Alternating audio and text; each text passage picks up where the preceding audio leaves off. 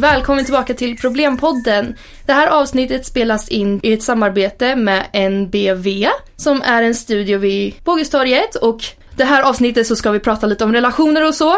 Men först och främst så ska vi gå in på våra samarbeten som vi är så glada att ha med oss. Precis, och eh, våra samarbetspartners är då Labaget och Mesopotamien. Och då tänker vi att man nu när vi närmar oss alla dag kan unna sig en och annan middag där. Eh, som vi då rekommenderar. Mm, eller kanske en god, trevlig lunch. Ja, sväng in och ta Labaguettes grekiska sallad, alltså på riktigt är det bästa som finns. Ja, och eh, bakom mickarna har vi då Madde. Ida. Och Hanna. Ska vi köra igång då? Ja det tycker jag. Vi har då tänkt prata väldigt mycket om relationer överlag. Det kan vara vänskapsrelationer, familjerelationer och förhållanden och partner och typ kärleksrelationer. Och då har vi tänkt prata lite om problem och om destruktiva relationer. Och så har vi lite antingen eller frågor och dessutom så har vi frågor från er lyssnare som vi har tänkt svara på. Så vi kör igång på en gång eller? Mm. Ja, det tycker jag. Då börjar vi med om eh, problem. Um, ja, vad borde problempodden utan problem, eller hur? Ja, precis. Känner lite så. Eh, och då tänker vi olika problem som kan uppstå i relationer överlag. Har ni någonting bara, bara sådär som ni tänker på? Alltså det, det som kommer först i tanken för mig är ju ensidiga relationer. Om jag tittar tillbaka i mitt liv så har mitt liv främst bestått av eller inte främst, men alltså om man pratar om problemsidan på det så har det främst bestått av ensidiga relationer. Och eftersom jag är en väldigt känslosam människa och så, så brukar jag oftast alltså, lägga ner för mycket tid på människor som egentligen inte skulle lägga lika mycket tid på mig. Vilket är bland, alltså det är en riktigt jobbig känsla. Men hur menar du med ensidiga? Är det då ja, men det man bara jag, ger och inte får något Ja tillbaka? men precis. Ja. Så. Jag kan verkligen relatera till det. Det är väldigt många gånger man hör av sig gång på gång på gång. Men man, det är inte någon vän som hör av sig tillbaka. Vilket kan vara jättejobbigt för då är det verkligen som att den inte vill umgås med en indirekt sätt. Men det kan också vara bara att den inte tänker på det mm. och fullt upp i annat. Nej. För jag, alltså som ett litet tips på att få liksom alla relationer att funka. Även liksom familjerelationer. Det kan ju vara att man alltså tänker på att höra av sig. Och eh, visa att man bryr sig. För det känner jag att jag har varit rätt dålig på det. Men jag tycker att jag har blivit lite bättre. Att bara liksom bara, ja, ah, hej hur mår du då? Eller det kan vara vad som helst. Det behöver inte alltid vara att man träffas. träffas. Utan det kan bara vara en tanke liksom. För jag känner typ, nej men annars är det lätt att man känner sig väldigt typ bort, Övergiven. Ja, bortprioriterad. Och då kommer man ju till sist inte vilja höra av sig mer. Och då nej, blir det precis. ju en dålig relation. Ja, alltså för det första, vi måste ju kanske nämna också varför vi pratar om relationer. För utan mänskliga relationer till varandra så är vi ingenting. Jag känner verkligen så. Utan min familj, utan vänner, utan nära och kära, då är jag absolut ingenting. Men jag, alltså, jag har tänkt väldigt mycket på det här efter allt som jag har då typ varit med om. Det har varit liksom med familjesituationer och vänskapsrelationer. Och det har varit att, alltså relationen till mig själv nu kanske inte det här var tanken att vi ska prata om det men jag tycker att den relationen är den viktigaste. Mm. För jag, jag vet att jag kommer liksom vara, alltså man är ju själv mentalt hela tiden. Och om man inte har en bra relation med sig själv då kommer man inte palla alla andra relationer. Så jag menar folk kommer ju svika dig hela ditt liv och om du inte då har dig själv som du kan luta dig tillbaka på så kommer inte du att klara av det. Jag, tycker, typ... ja, jag tycker det är jättebra att vi tar upp eh, relationen till oss själva också. Ja. För att det är väl också som du säger, det är en relation som grundar sig på alla andras relationer.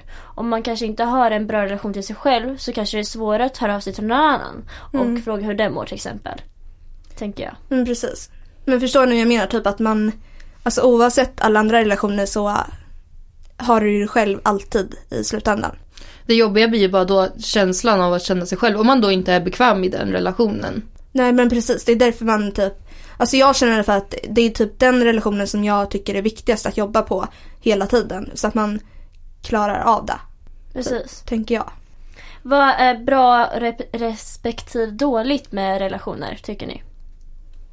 Alltså bra är väl som Hanna sa då, det här liksom sociala. Ja, att precis. man bygger sig själv på andra relationer. Vi människor är ju flockdjur. Precis. Vi behöver relationer. Ja, Men dåligt är ju då när det blir ja, men konflikter.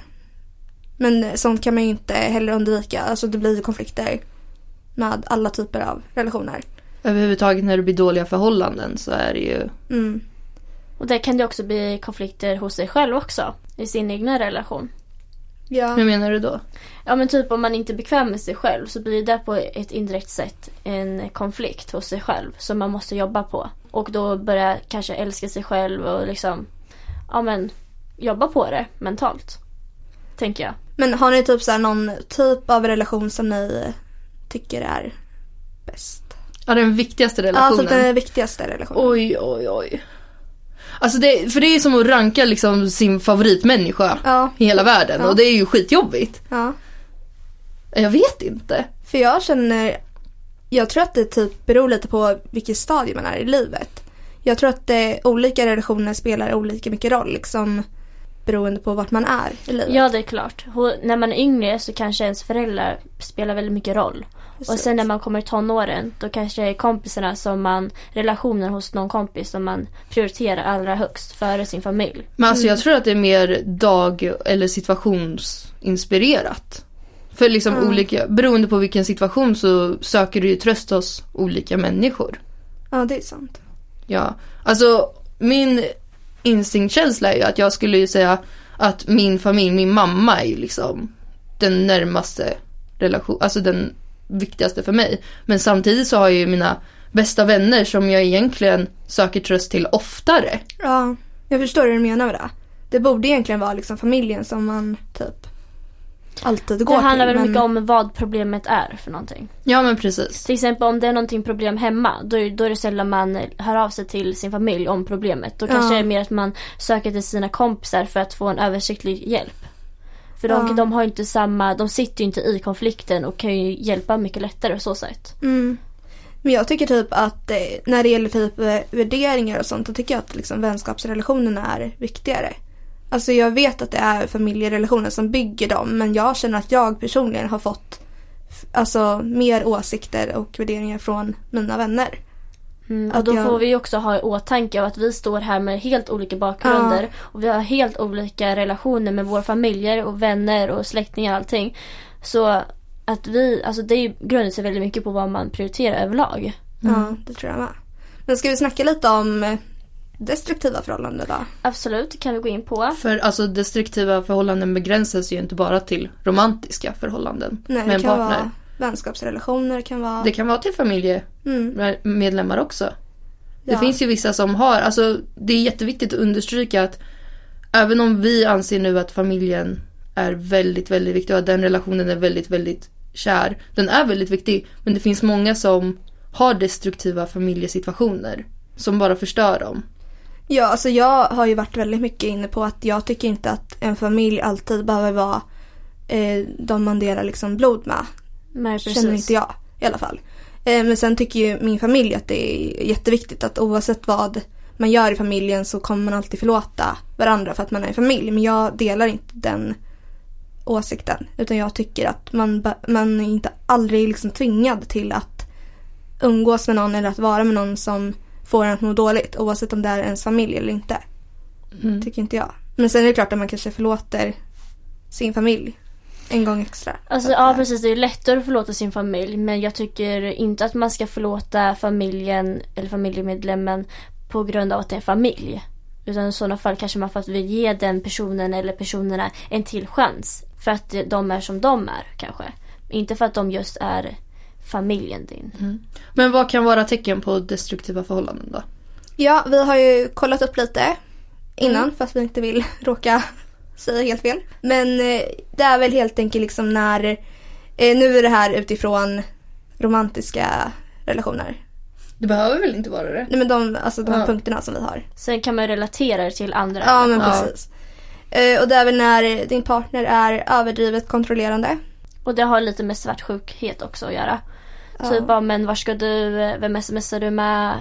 Alltså det kan ju gå väldigt så långt att man kanske följer efter personer i smyg eller kollar upp eh, vart plasttjänsterna är och typ såhär. Ja, alltså jag eh, är ju väldigt typ kontrollerande som person. Så jag skulle gärna vilja veta de sakerna du nyss nämnde. Men alla är ju typ olika.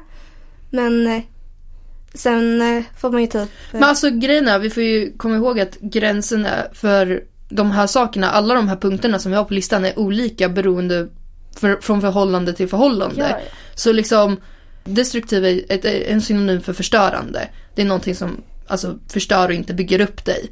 Och så fort du känner dig obekväm med att den här personen i, som du är i förhållande med, oavsett om det är vänskap, relation, så, så vad heter det, när du känner dig obekväm med när din gräns har gått liksom. Det är då det blir ett destruktivt förhållande. Ja, precis. Så för dig om du är kontrollerande eller om du känner så att du vill ha lite mer uppsyn, eller jag vet inte hur man säger det. så är det ju bara att, vad heter det, alltså man får ju prata och se till att man inte går över en gräns. Nej, precis. Att man är på samma sida. Och för, för att du har ett väldigt eh, kontrollbehov då behöver inte det betyda att du är en sån här destruktiv person som skulle kunna ha destruktivt förhållande. Det är ju inte det vi säger utan Nej. det är ju de här punkterna tillsammans eller väldigt överdrivande Ja, som leder till det kanske. Sen kanske du har en partner som är helt okej med att du läser dina sms eller hans sms eller hennes. Och då blir det så här. Då, är- då är det inte ett stressigt förhållande för den personen tolkar det ju som att det är okej. Ja, men precis. Ja, Mm.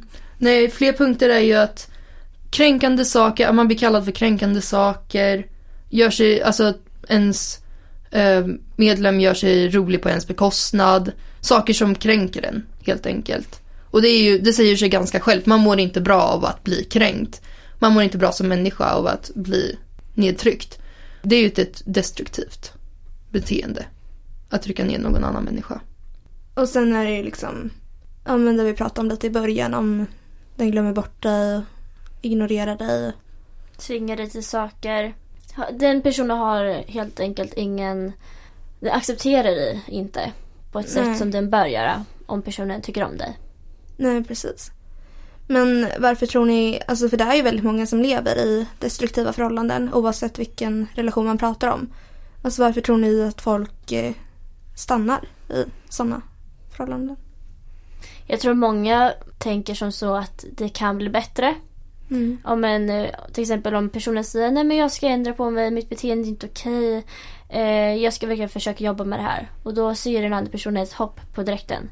Och eh, då är det såklart den stannar kvar. Sen kanske man säger två, tre gånger. Och okej, det kanske ändrar sig, jag stannar. Typ. Ja, Men sen kan det ju, tror jag, väldigt mycket ha att göra med känslor. Man är rädd för att såras. Och även fast man kanske inte mår bra i förhållandet så är man fortfarande rädd att lämna personen för då är det verkligen borta. precis. Man kanske inte vill vara ensam. Nej, precis. Jag tror många gånger att man är rädd för ensamheten och att man eh, då väljer att stanna istället. Ja, det tror jag med. Och eh, alltså det här med att, eh, att stanna i destruktiva förhållanden, det, alltså det tycker inte jag alltid är jättefel. Alltså det är ju såklart fel att vara i sånt förhållande, det borde inte vara så. Men jag tror inte att det alltid är så jättelätt att ta sig ur sådana. Säger jag liksom av egen erfarenhet. Nej, det är klart. Alltså man har ju så mycket hopp om personer och man, om man, alltså man själv kan ju vara en bidragande faktor till att det är, alltså, blir destruktivt. Det behöver inte alltid vara bara partnern eller familjemedlemmens fel utan det kan ju även vara en själv som också spelar med. Ja, det. någonstans är man ju två stycken om förhållandet. Ja men precis, alltså en relation består ju av fler personer. Man kan inte skylla ifrån sig alltid allt Nej. på någon annan. Men så får vi också komma fram till att jag har varit i väldigt många destruktiva, destrux, hur säger man? Des, Destruktiva. destruktiva, tack så mycket, destruktiva vänskapsrelationer. Och det var, som jag sa i början, ensidiga relationer. Jag gav för mycket, fick ingenting tillbaka. Jag blev kränkt, jag blev nedtryckt och jag lämnade inte på ett bra tag för att ja men jag älskar den personen som den är. Och det är ju skitjobbigt men samtidigt så kom det ju också till en punkt då jag fick, var tvungen att inse att det här funkar inte längre. Jag måste, jag måste gå vidare. Och ta mig ur den situationen var nog bland det bästa jag har gjort.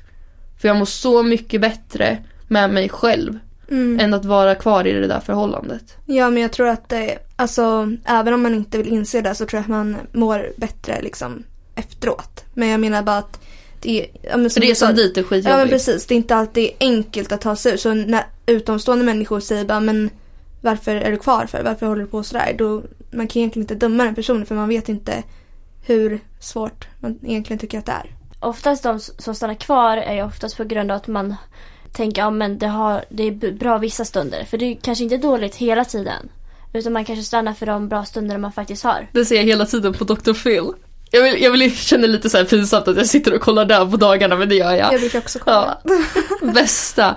Ehm, då ser man ju att de här gifta paren som vill skiljas men ändå inte för att det finns bra stunder men så är de otrogna och så är det dåligt men det, så är det ju bra. Mm. Och då får man ju helt enkelt, alltså ibland gäller det bara att vär, alltså värdera och prioritera fördelar och nackdelar, liksom vad är det som väger upp? Kan man ändra på någonting? Det är, det är skitviktigt att gå igenom också, kan man ändra på det? Kan man ändra på det och bevara relationen? Kan jag ändra på mig så att jag inte, eller jag blir mindre destruktiv? Eller kan jag prata med dig, få dig att försöka inse att du behöver en förändring så att du ska bli mindre destruktiv? Relationer bygger på kommunikation. Man kan förändra det. Man kan alltid ändra statusar på relationer. Men båda måste vara villiga till det. Ja men Mm. precis. Verkligen.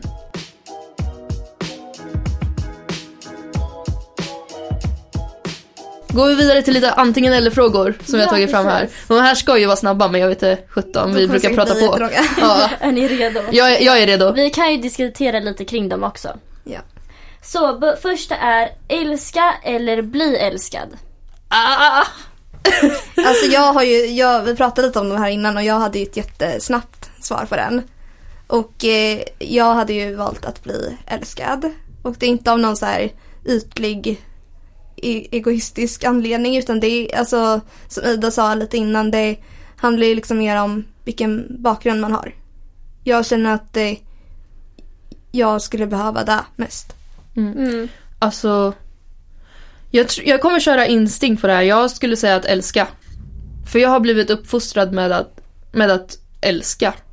Mer. Jag, jag värderar mer att älska andra än att bli älskad själv. Det är där, det är där min instinkt säger. Jag skulle hellre älska än att bli älskad. Ska inte du svara? Ska jag säga? Ja. Ja. Vad skulle du göra? Alltså jag tycker också det är jättesvårt. Jag är så här, vill, vill egentligen inte Vad svara. säger, vad säger instinkten då? Första? Det kanske känns e- egoistiskt att ge det svaret. Men eh, om jag blir älskad så kommer jag älska tillbaka. Eh, jag har svårt att älska någon som jag inte kan bli älskad av. Okay. okej. Så det är typ så. Eh, nästa då, är ni redo? ja. ja. Singellivet eller förhållanden? Jag hade valt förhållanden alla dagar i veckan. Så eh, nu, jag kommer på att det är, liksom, det är du och jag som kör relations... Jag känner avsnitten och så är det vi som är så singlar. Du är också singel, eller hur? Ja. Ja, Mm. vi är vi allihopa som är singlar.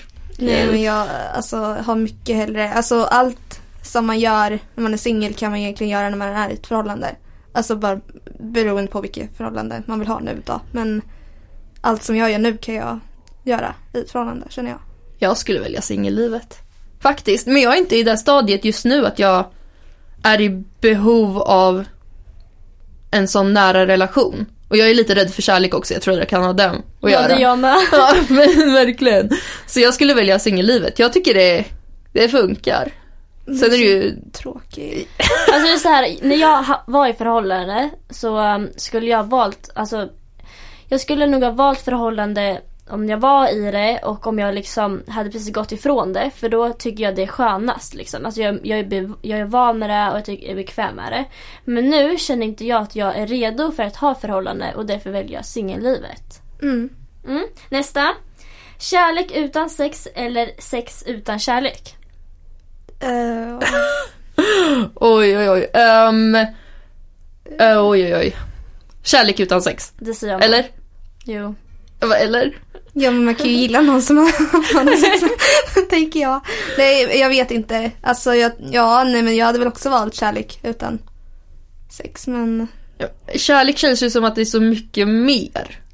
ja. Alltså jag tycker att, alltså jag prioriterar nog kärleken mer än samlag. Ja, det, ja men det gör jag med såklart. Men jag tror att det, alltså, Sen kan båda liksom gå i hand i hand och vara stor faktor till varandra men, ja, men precis. Jag tror att, eh, Ja.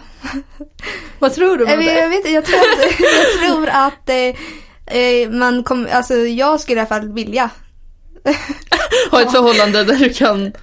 ha sex, Sex med personen, ja. An, an, Ja men det är ju, det är ju liksom det optimala. Ja men precis. Men om jag skulle få välja så skulle jag få välja utan då. Ja. Ja men precis. Ja, samma. Mm. Okej, göra slut eller bli dumpad? Gör slut. Lätt. Ja. Alltså ja. Ja. Jo, göra slut. Kanske. Båda är lika illa men Ja, men Nej det tycker samma. inte jag. Fast ju, alltså- fast fatta om man är skitkär i ett förhållande och sen kommer den personen och bara eh, vi gör Ja slut men med dig. liksom om du dumpar Mm. då är du det svarta fåret. Jag har ju dumpat och det har ju varit alltså skitjobbigt. Så liksom. Ja. Alltså jag har också gjort det. Men Även det fast vi inte var ihop så var det liksom fortfarande så att man var ihop men det var så här jag vill inte typ. Nej men det är ju fortfarande jobbigare. Alltså jag, jag känner personligen att det, jag skulle tycka att det var jobbigare ifall jag inte, alltså om någon annan inte ville ha mig än om jag inte ville ha den. Jag tror att det är lättare att gå vidare jag tror att det är lättare att, Ja det är sant, jag tror att det är lättare att gå vidare. att hantera det. Mm. Och alltså även om det är jobbigt, det är klart att det är jobbigt att såra någon men det är mycket jobbigare att bli sårad själv tycker jag. Ja ja. Om man nu ska få vara självisk. Ja. Lättare att gå vidare, absolut. Ja. Kan Jag tror jag med. Ja. Hade vi någon mer? Jag var mer redo för det. Ja, en till va? Eh, ja, Ja. en sista. Romantik eller spänning? Jag vet inte vad vi menar riktigt men. Romantik, jag tror det är förhållande liksom. Jag tror, Ja. det är nu det kommer in så här bad boys. What you gonna do? Det jag ska, ursäkta. Ja, eh, romantik. Jag är en romantisk person. Skulle jag säga. Ni då? Eh, Alltså jag är 17. Alltså jag tycker det sånt där lite, kan vara lite klyschigt ibland. Ja, Jag vet inte. Nej jag älskar klyschiga Om, saker. nej, hallå, om en kille skulle sätta sig här eller bara ta fram gitarren och börja sjunga en låt som han skrivit själv till mig. Då hade jag svimmat av. Då hade jag bara nej det här är för klyschigt. Nej, jag hade svimmat av för det hade varit för perfekt. Alltså killar som kan spela gitarr och sjunga, det är liksom my kryptonite. Alltså jag älskar det.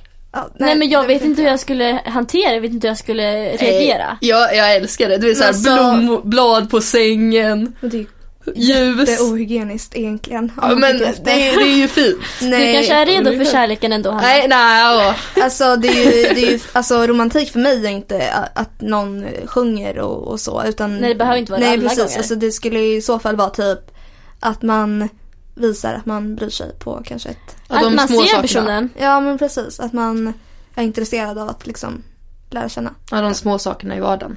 Ja, Typ så. men alltså spänning är ju kul men det är inte kul i längden. Så jag hade nog valt romantik också. Ja. Jag Alltså- säger nog det ändå, även fast det kan vara lite klyschigt ibland. Ja. Vi vill bara först tacka jättemycket för alla fina frågor. Och eh, vi valde ut några. Ja, Att, eh, vi valde ut Ja. några som var extra bra. så tack så jätte- jättemycket för alla som har frågat. Ja. Vi är så otroligt tacksamma. Yes. Ska vi gå på Mm. första? Har ni någon drömpartner? Beskriv i så fall den utseendemässigt samt personligheten. Alltså drömpartner har jag väl kanske inte någon, jag får inte upp någon liksom figur i hjärnan. Nej jag har ju ingen direkt så här Ken som jag verkligen bara wow, Nej. så måste jag ha. Eller Barbie kanske. Ja, Barbie också. Nej men eh, jag, eh, alltså min drömpartner skulle vara någon som brydde sig om mig lika mycket som jag brydde mig om den. Alltså jag är egentligen helt emot det här drömpartner-tanken och idealet. Ja. För att det känns som att det är så orealistiskt. Det känns så orealistiskt att beskriva en människa. Alltså jag förstår ju att man kan finna vissa saker mer attraktiva. Men samtidigt, det är liksom så orealistiskt. Ja. Du lever inte i verkligheten om man tänker att... Nej.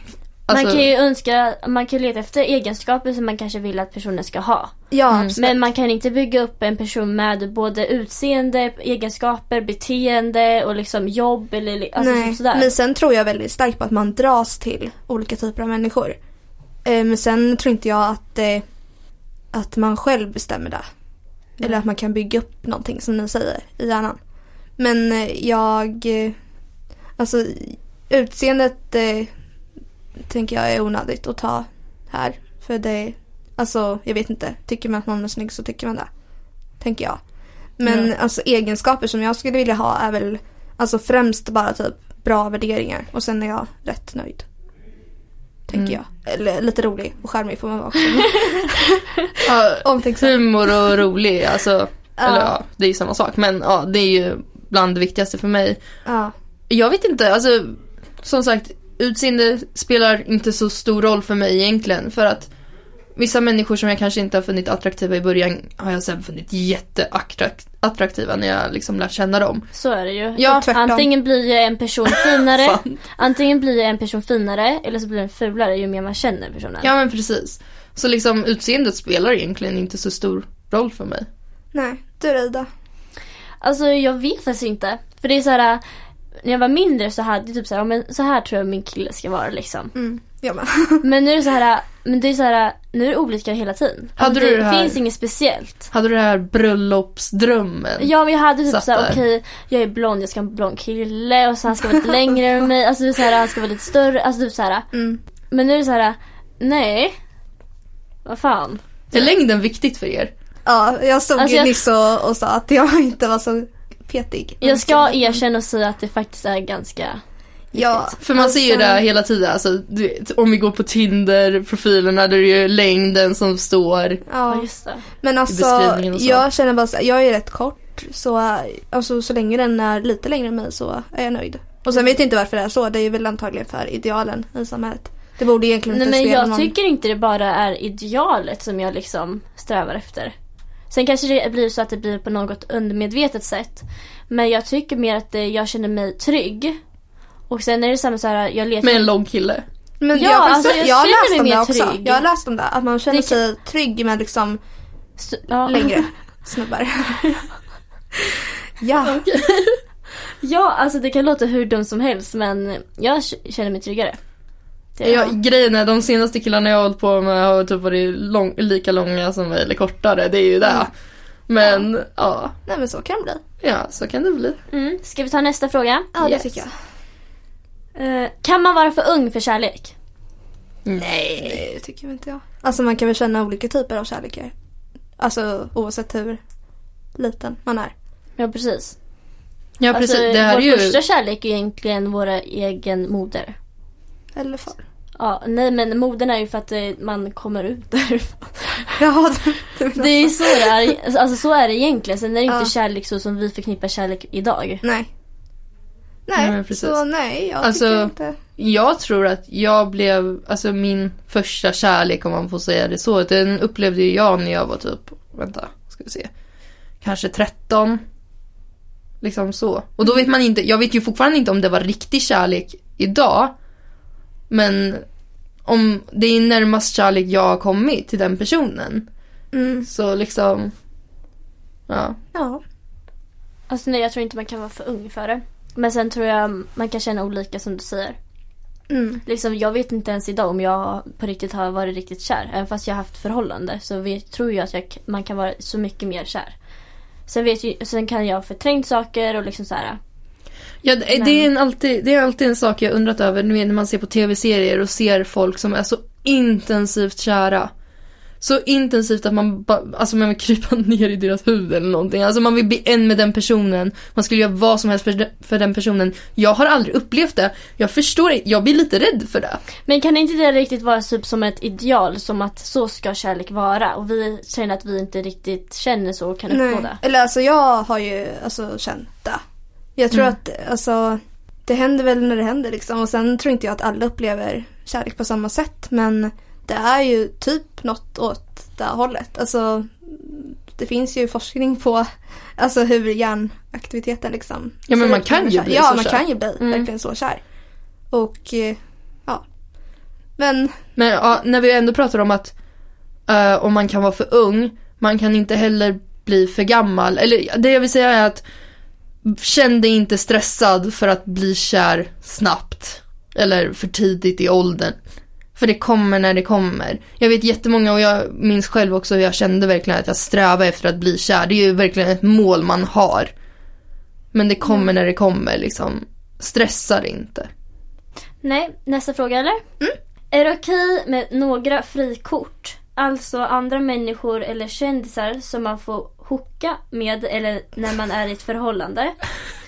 Eh, I så fall har ni några. Eh, om det är okej, tycker... Eh, alltså jag tycker att... Eller, nej, jag hade inte tyckt att det var okej ifall min framtida partner ville... Eller gick och tänkte på att den ville hooka med andra det, människor. Det är egentligen. Hooke? Hooke. ja. På norska då? Eller? Mm. Jaha. Aha.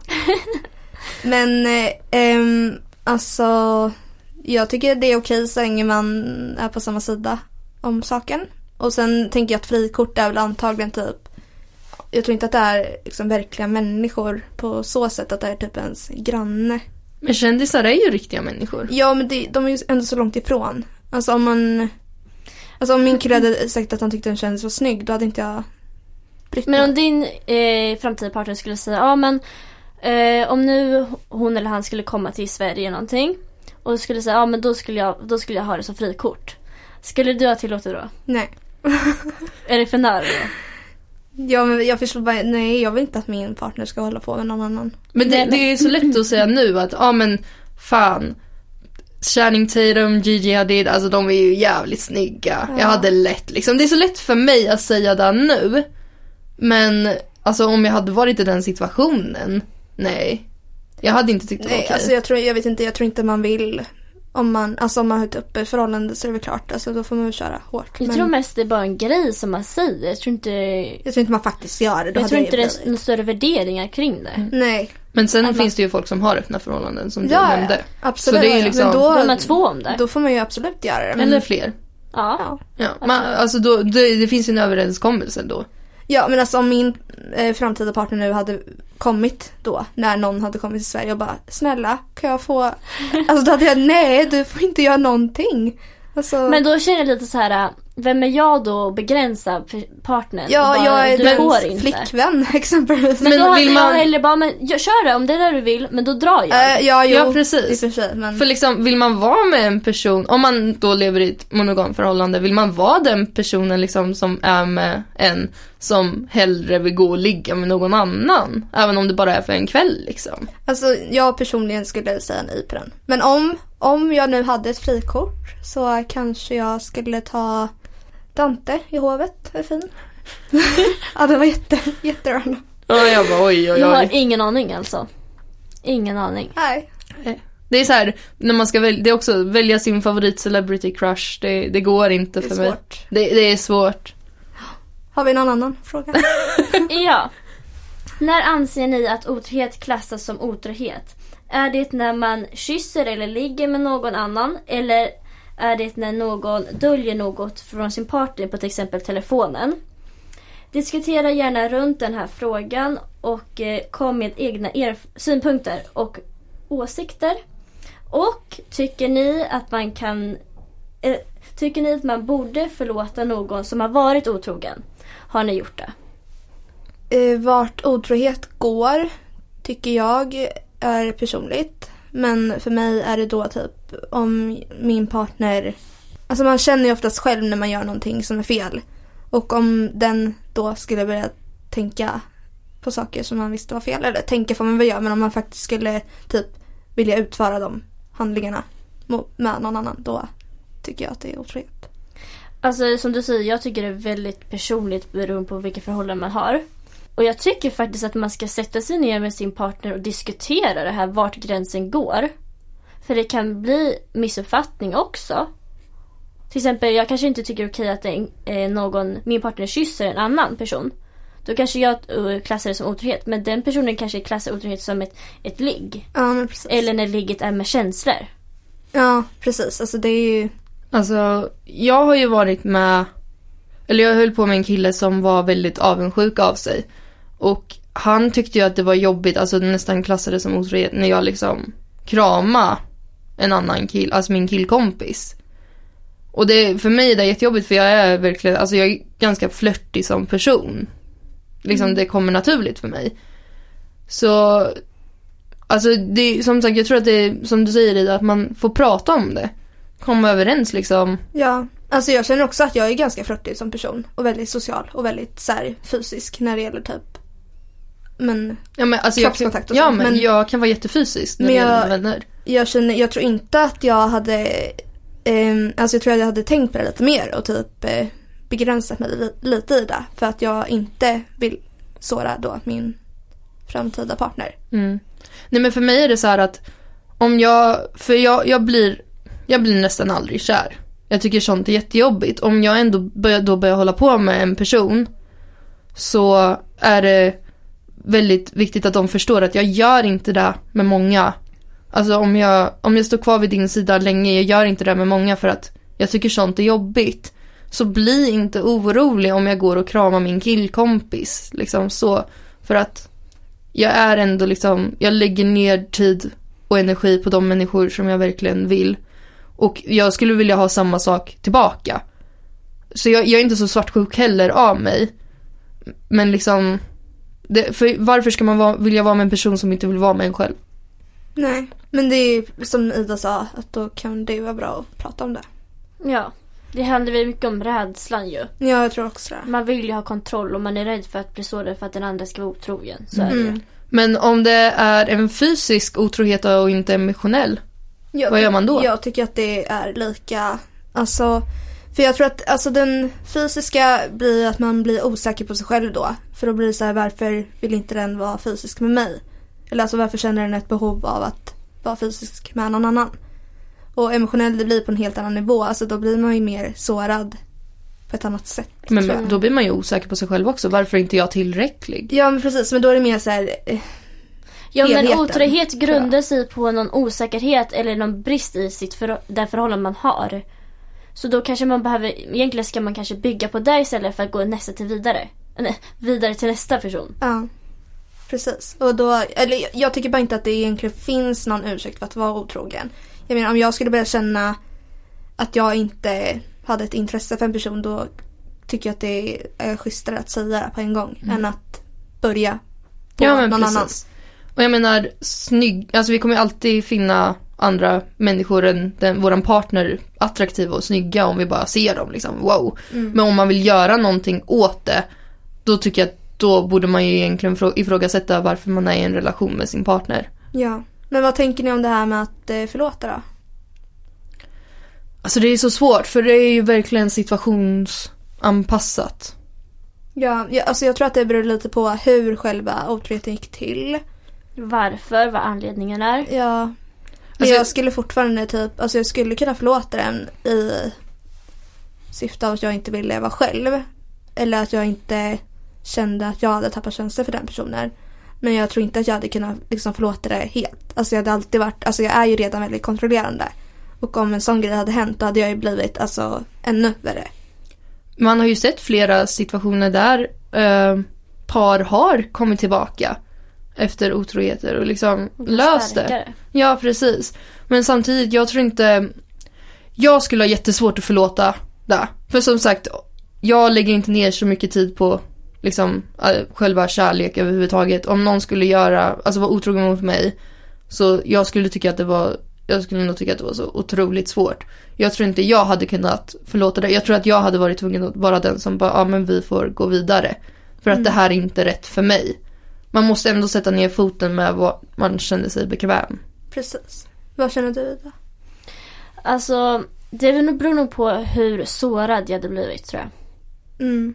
Jag tror det hade varit, så- alltså jag vet inte men antingen är man så sårad så att det är jättelätt att ta tillbaka personen. Eller så är man så sårad att man inte vill veta vem personen är. Förstår Ja. ni vad jag tänker? Ja, jag förstår. Att antingen är man så ledsen att man verkligen vill att det ska vara som förut och man verkligen saknar personen typ så här. Eller så är man så arg och besviken att man inte vill vara med personen för personen har gjort mig så illa. Ja. Så jag tror på i vilken situation som du säger. Men som du säger Madde också att det skulle vara jättesvårt att lita på den personen igen. Och eh, en, eh, en relation handlar väldigt mycket om eh, pålitlighet. Eller vad man säger. Mm. Ja, nu har ju jag haft turen att jag inte har varit i ett otroget förhållande eller relation med någon. Ehm, så jag har ju inte förlåtit någon för det kan man väl säga, för jag har inte varit i den situationen. Har ni varit i det? Alltså Ja, nej. nej. det närmaste jag har kommit eh, till det är ju att, eh, eh, som jag sa för några avsnitt sen, eh, att eh, jag höll på med en kille som var i ett förhållande. Så jag vet, jag, då hanterar man det på ett helt annat sätt liksom, utan, om man inte är med i förhållandet. Ja men precis. Så nej, men... eh, Men skulle du säga att du har förlåtit honom för det? Eh, Ja, Du, du visste inte om det, eller hur? nej, Nej. Inte, inte i i början. Nej. eh, då. Eh, men eh, alltså jag känner inte att han betydde så mycket för mig så att jag blev sårad av den situationen. Mm. Jag, jag höll ju, alltså det närmaste jag har kommit är väl att jag pratar med eh, Jag pratar med en kille och sen skaffade han en tjej liksom. Så vi, vi höll ju på och sen skaffade han en tjej mitt i. Det är väl typ närmaste. Ja, nej jag vet. Det är så här, ja okej. Under tiden? ja, ja, ja, ja. Man bara oj okej. Ja. Så här, inte tvärt emot egoboost. Ja, liksom motsatsen bara åh, nedtryckt. Ja. Eh, Det är väl närmast det jag har kommit. Ehm, Och det var ju så bara, ja kul för dig, jag är inte kvar. Nej. Liksom, hej då. Ja men jag, alltså jag tror det är enklare om man inte känner Ja om man inte har kommit så långt, Nej. alltså känslomässigt Nej. kanske. För det hade ju inte jag. Men om man till exempel sitter där med eh, barn tillsammans, man sitter med kanske ett hus och bil och typ så här äh, klassiska. Då kanske det är mycket, mycket svårare att förlåta. Ja, men det kanske, jag. Då är det ju väldigt mycket så här: okej, vi är en familj, då kanske vi ska försöka jobba på det här, det kommer bli jobbigt att sära på oss och typ så här. Man vill, alltså, man söker väldigt mycket till att ha en familj. Och då om man sitter där med familj med båda föräldrarna på samma plats, då blir det väldigt mycket att de föräldrarna tänker Nej men då är vi ingen familj längre. Förstår Mm. ni? Ja, jag förstår. Men jag tror absolut att det är mycket svårare att, eh, att inte förlåta någon efter liksom 20 år.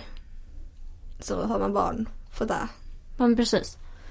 Och då kanske den personen har påvisat också ett, en förhoppning till den som har blivit eh, drabbad eller man ska säga. Den har ju ändå påvisat att det har inte hänt någonting på så här många, många år. Men nu har det hänt och då, kanske, då har ju den drabbade förhoppning om att det kanske löser sig. Mm. Det kanske inte händer igen liksom. Nej. Men hade det hänt om på gång på gång igen då hade jag definitivt inte förlåtit. Tror ni på det här ordspråk, ord, ordspråket? min, min svenska hänger inte med mig idag. Ehm, att då en gång en otrogen person, eller vad säger, hur säger man? Once a cheat, always a cheat. Liksom typ så. Ja, alltså jag tror att om man gör det en gång så tror jag att det, då har man redan suddat ut själva gränsen. Jag tror att det, det är inte jättesvårt att då... Jag tror det är lättare att eh, göra det. Ja, men precis. Men jobbar man på det som är bröstet i för, eller brist, hur säger man? Det som, Dåligt. Det som är dåligt i förhållanden så kanske det, man inte gör det lika lätt nästa gång. Nej, om man verkligen ångrar sig. Men som sagt, det vet man aldrig. Mm, Nej. precis. Ja. Ska ni ta en eh, fråga då? Eh, Jag är en person som är väldigt osäker och känner mig ibland bortglömd bland mina vänner. Eh, Men när man träffas är det som om man inte har varit ifrån varandra länge. Men hur ska man tänka om man är osäker på sin kompis? Hoppas ni förstår. Ja, som sagt jag har gått igenom det här jättemycket. Det har varit väldigt jobbigt. Ehm, jag kan relatera sjukt mycket. Jag med, alltså sjukt mycket. Ja. Men som sagt det handlar om att hur vill du att relationen ska se ut? Du vill väl obviously inte att den här relationen ska se ut som den gör eftersom du känner dig osäker på dig själv. Så ta kontakt med den vännen du känner. Det är liksom, Ja. det kan, det kan ju vara svårt i sig. Kan ju vara väldigt svårt men man, om man vill att relationen ska se annorlunda ut då måste man också försöka. Ja, och sen tänker jag så prioritera de som prioriterar dig. Om du inte märker att du får någonting tillbaka så tycker inte jag att du... Alltså du kan inte ge och ge och inte få någonting tillbaka. Eh, jag tycker att man först ska tänka på, det kanske är att man ska höra av sig till kompisen som du sa Hanna och kanske prata om det, att man känner så här och så här och så här. Och då kanske den personen, jaha okej, jag är ledsen att du känner så här, vi, såklart eh, det måste förändras. Eller så kanske personen bara, nej men vad fan. Vad är Ja. det du säger liksom? Och då är det så här, okej, då kanske inte den tycker det är så bra och då får man ju liksom kanske lämna personen. Mm. Även fast Ja. det gör ont. Ja, men precis. En sista fråga ska vi se. Så, En kärleksrelation är när man kommer överens om att bara ha sex och håller det kvar där. Vad tycker ni? Jag vet inte riktigt vad, Vad- den här frågan menar utan om det är liksom en, alltså en relation är sexbaserat låter det ju som att. Ja, jag tror den menar typ att eh, det är en kärleksrelation som bara... Som är sexbaserad. Ja. Alltså för mig är det, jag tycker inte alls att det är en kärleksrelation. För jag tycker inte sex och kärlek är samma sak. Nej. De kan ju gå in i varandra men det är absolut inte samma sak. För, Men vad, vad, där, vad, vad var frågan? Jag fattar inte. Vad- vad Om man ska ni? hålla kvar? Nej alltså vad tycker ni? Tycker ni att det här är en bra definition av det antar jag? Jaha. Eh, ja, nej, det skulle jag väl inte säga men alla har ju olika... Visst, man kanske har alltså, känslor med den som man har en lag med. Men det kanske inte är kärleksrelation. Eller så här kärlek eh, överlag. Tycker inte jag. Nej, men vad är det som klassas som där då? Jag tycker inte det ska gå ut på att man ska ha samlag. Jag tycker en kärleksrelation kan vara annat också. Ja, det kan det vara. Men som sagt alltså, alla har väl olika... Ja, precis. Det är ju det är så jag uppfattar en kärleksrelation. Sen om den, någon annan uppfattar det på ett annat sätt så är det klart, då är det en kärleksrelation för den personen. Ja, precis.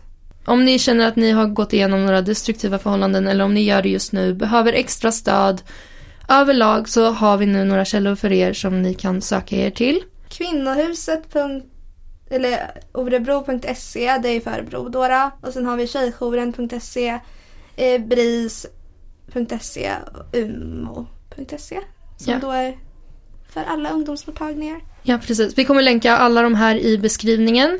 Så det är bara att klicka in där. Om ni har några frågor så är det bara att ni följer oss på våra sociala medier. Problempodden UF heter vi på de flesta ställen. Tror jag vi har Facebook, Instagram eh, och ska vi se. Twitter. Twitter, ja det har vi. Men vi uppdaterar mest på Facebook och Instagram. Yes. Så om ni vill veta lite mer så är det bara att ni söker in där och om ni har några frågor så är det bara att kommentera, prata, sök upp oss tänkte jag säga, stalka jag inte men Maila. sök upp oss. Maila, vi har en mail, problempodden snabelaggmail.com Yes, så tack så mycket, hoppas ni har en jätte, jättebra tisdag.